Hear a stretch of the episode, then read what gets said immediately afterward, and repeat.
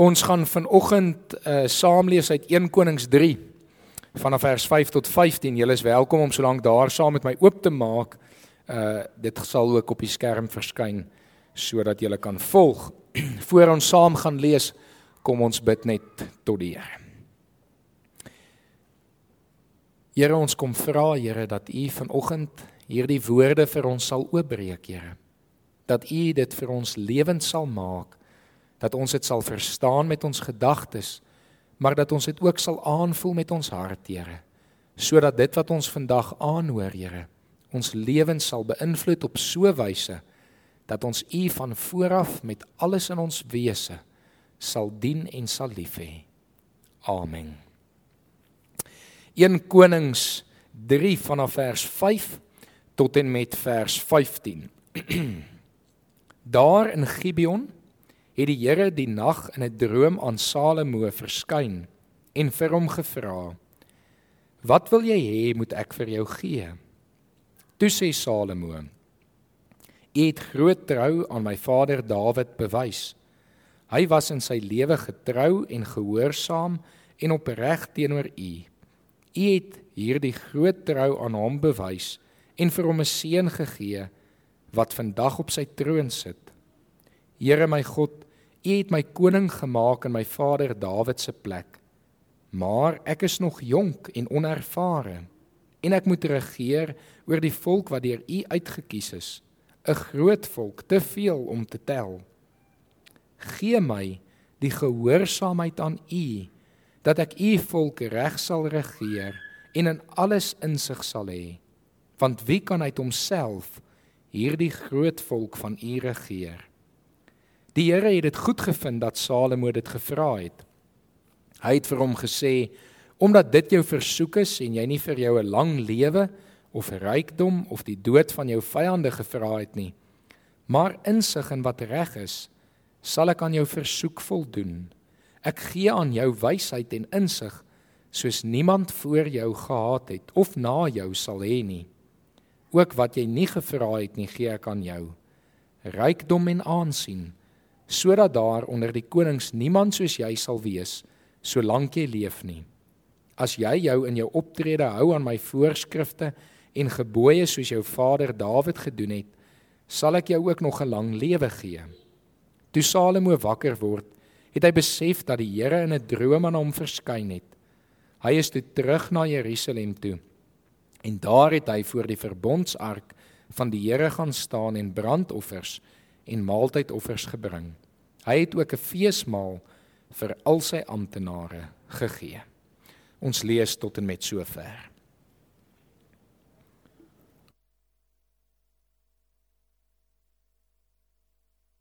As die Here vanoggend aan jou verskyn en hy vra vir jou, wat kan hy vir jou gee? Wat sou jy geantwoord het? Die teks sê vir ons dat daar 'n klomp dinge is wat meeste mense in waarskynlikheid vir die Here sou gevra het. 'n Lang lewe, gesondheid, rykdom, 'n klomp besittings, vrede in jou lewe, aansien. Dit is tipiese dinge wat ons as mense soek. Sukses in ons lewe, sekerheid, sekuriteit, veiligheid, vrede.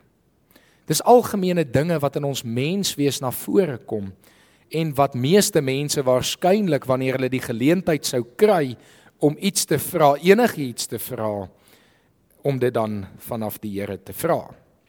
Wat sal jy vanoggend van die Here vra?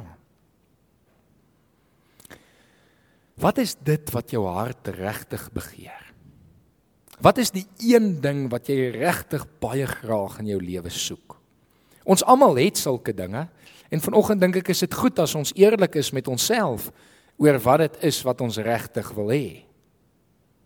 Baie keer hoor mens mos mense sê ek wil net graag dit bereik of ek wil net soveel geld of bates bymekaar maak dan is ek op die plek waar ek wil wees. Ek wil net graag hierdie posisie in my lewe bereik. Ek wil net graag hierdie of daardie ding in die hande kry. Daar's 'n klomp dinge wat ons hart regtig graag begeer En gewoonlik verklap dit wat ons ons meeste van ons tyd aan spandeer, ook wat regtig in ons hart aangaan. So miskien is jy vanoggend so half bietjie onseker oor wat dit is wat jy regtig wil hê. En dan wil ek jou vra om bietjie na jou lewe te kyk en vir jouself te sê, maar waaraan spandeer jy meeste van jou tyd? Want jou prioriteit gaan vir jou uitwys wat dit is wat jy regtig graag vandag wil hê. Salomo kom verras ons met sy antwoord. Salomo kom en hy vra van die Here gehoorsaamheid en insig. Die 2020 vertaling, die nuwe vertaling wat laas jaar uitgekom het, vertaal hierdie gedeelte so klein bietjie meer direk uit die oorspronklike Hebreëus en dan sê dit dat Salomo van die Here gevra het vir 'n hart wat luister, 'n luisterende hart van die Here. 'n Hart wat op die Here ingestel is, wat luister na die wil van die Here. Daarom word dit vertaal in die uh, 83 vertaling met gehoorsaamheid. Salomo kom vra vir gehoorsaamheid aan die Here. En as ons dit hoor, dan klink dit so bietjie vreemd. Dit is amper asof 'n mens vir Salomo wil sê Salomo, verstaan jy die vraag reg? Die Here het nou net vir jou gesê jy kan enigiets van hom vra. Is jy seker dit is wat jy wil hê? Is daar nie iets anders nie? Iets wat jou lewe totaal en al sal verander nie. Maar Salomo se versoek is nie so vreemd as ons die rede vir sy versoek hoor nie. Salomo sê vir die Here hier in vers 7 dat hy nou skielik koning word, dat hy aangestel is om oor hierdie volk te regeer en hy besef dat hy nie vermoë het om dit te kan doen nie. En daarom sê hy vir die Here, Here gee vir my dit wat ek nodig het om hierdie roeping wat ek nou ontvang het, hierdie posisie wat ek oor aangestel is. Gee my wat ek nodig het, rus my toe om hierdie taak te kan voltooi. En daarom vra hy vir gehoorsaamheid en insig. Daarom vra hy dit wat hy nodig het om hierdie taak as koning te kan gaan voltooi. En dit help ons dink ek so klein bietjie vandag om te besef dat ons ook kan vra wat ons nodig het. Dat ons ook in ons gebed vir die Here kan sê Here, maar gee vir my dit wat ek nodig het om u wil te kan gaan doen. Here, ek is in 'n posisie geplaas. Rus my toe sodat ek in hierdie posisie u kan dien soos wat ek moet. Eintlik verklap hierdie alreeds so baie mooi wat Jesus later vir sy disippels leer om binne die wil van God te bid en altyd ook binne die koninkryk van God te bid. Dat ons binne die koninkryk van God kan vra wat ons nodig het en dat die Here dit dan ook vir ons sal gee. Salomo kom vra hierdie want hy as koning moet as regter optree oor 'n volk. En hy besef as regter het hy insig nodig in dit wat reg en verkeerd is, in die goeie en die kwaad van die lewe. En hy vra van die Here dat die Here hom dan sal help om die goeie te kan kies, om as 'n amptdraer van God te kan optree. Julle sal onthou dat die koningsgeskiedenis in Israel so klein bietjie 'n vreemde begin gehad het. Want eintlik was die gedagte dat God as koning oor Israel regeer.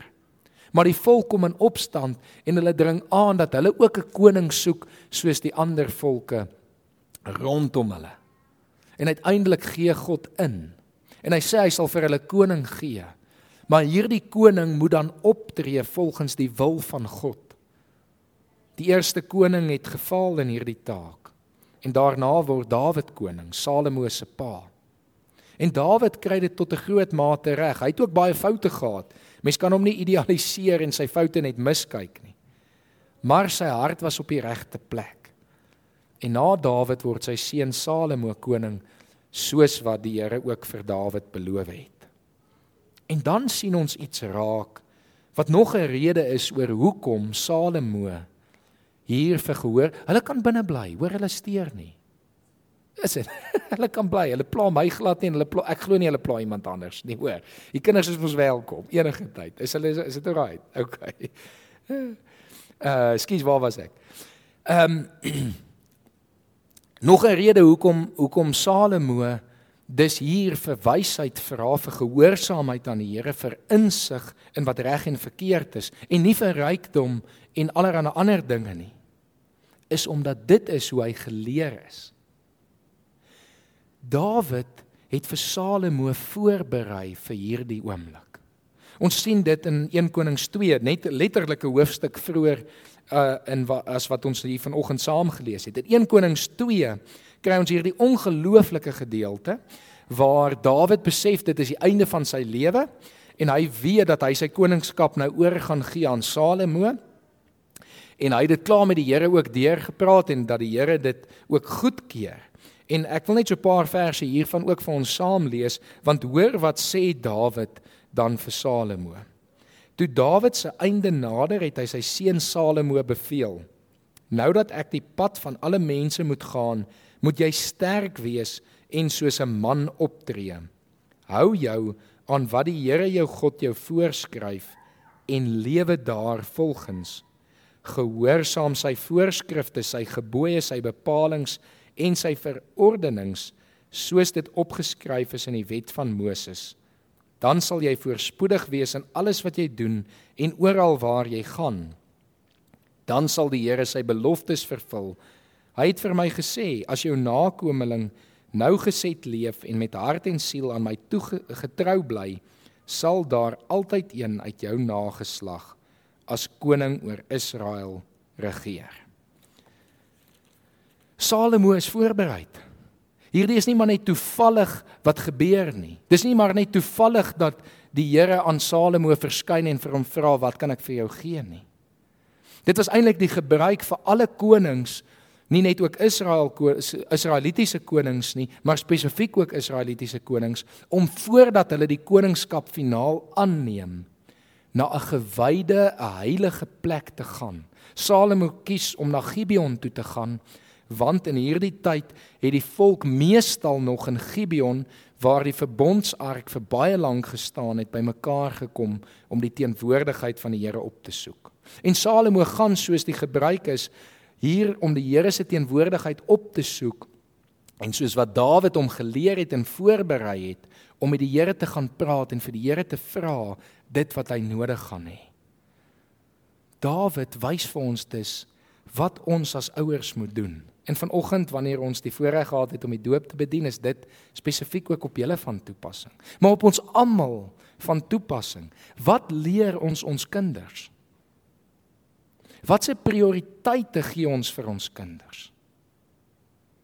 is ons besig om vir ons kinders te sê die geheim van die lewe, die belangrikste in die lewe. As jy enigiets van die Here kan vra, dit wat jy glo jou lewe die moeite werd gaan maak, wat jou gelukkig gaan maak, wat jou tevrede gaan stel. Leer ons ons kinders dat dit 'n gehoorsame lewe in verhouding met God is. Ek vra die laaste paar weke nogal hierdie vraag krities vir myself en ook oor ons samelewing. Wat is regtig die boodskap wat ons kinders kry? Is dit nie maar op die ou ende dit wat die teks eintlik vir ons verklap het nie? Leer ons nie maar eintlik ons kinders dat die belangrikste in die lewe is rykdom en veiligheid en sekuriteit en gesondheid, 'n lang lewe en vrede nie? leer ons nie vir hulle dat dit 'n maak en breek wêreld is waar hulle net bo moet uitkom nie. Hoe lyk ons prioriteite en die voorbeeld wat ons vir ons kinders stel? Ek het nou-nou genoem Dawid het baie foute gehad, maar ek dink tog Dawid het as pa 'n klomp dinge reg gekry in Salomo se lewe. Ook nie in al sy kinders nie, maar in Salomo se lewe het Dawid die rol van pa reg ingeneem en hy het die voorbeeld gestel en gewys wat dit beteken om in 'n verhouding met God te leef, om tot bekering te kom en inkeer te kom en om vergifnis te praat daar waar jy fouteer en foute maak.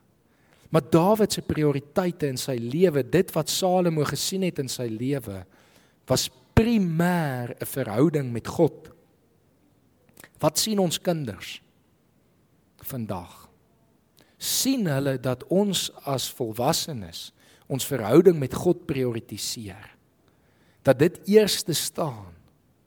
Dat dit vir ons die belangrikste is. Of sien hulle 'n klomp ander dinge raak? Ons is besig om in 'n tyd in te beweeg. Ons is eintlik al klaar in 'n tyd waar dinge baie vinnig en baie drasties verander.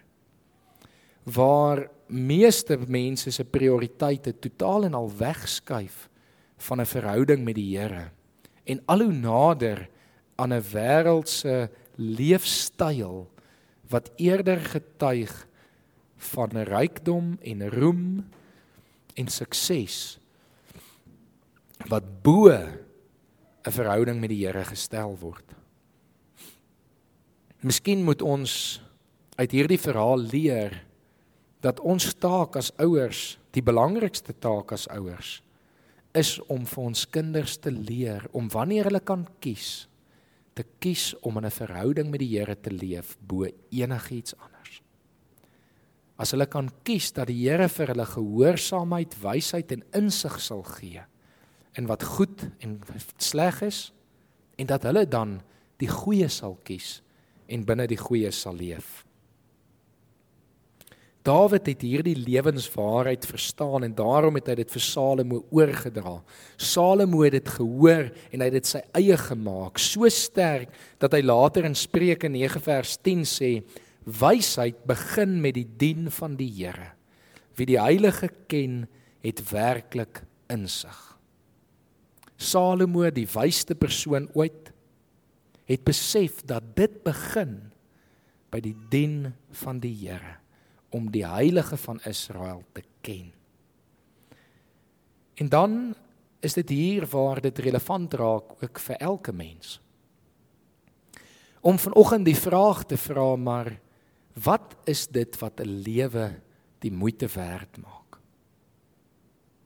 En as mens hierdie vraag vir die algemene publiek sou vra, is die antwoorde wat ons sou kry waarskynlik dit wat ons al reeds gehoor het die Here amper verwag het Salomo sou sê. Maar vanoggend dink ek is dit nodig dat ek en jy eerlik vir mekaar sê dat 'n lewe wat die moeite werd is, regtig die moeite werd is, is 'n lewe wat in 'n verhouding met God geleef word. 'n lewe wat in verhouding met God geleef word. Dat ons bo alles sal kies en vir die Here sal sê, Here, maak nie saak wat gebeur nie. Maak nie saak wat rondom my aan die gang is nie. Maak nie saak in watter omstandighede ek op 'n spesifieke tyd is nie. In dit alles wil ek kies om in 'n verhouding met U te staan. Want dit maak dit die moeite werd.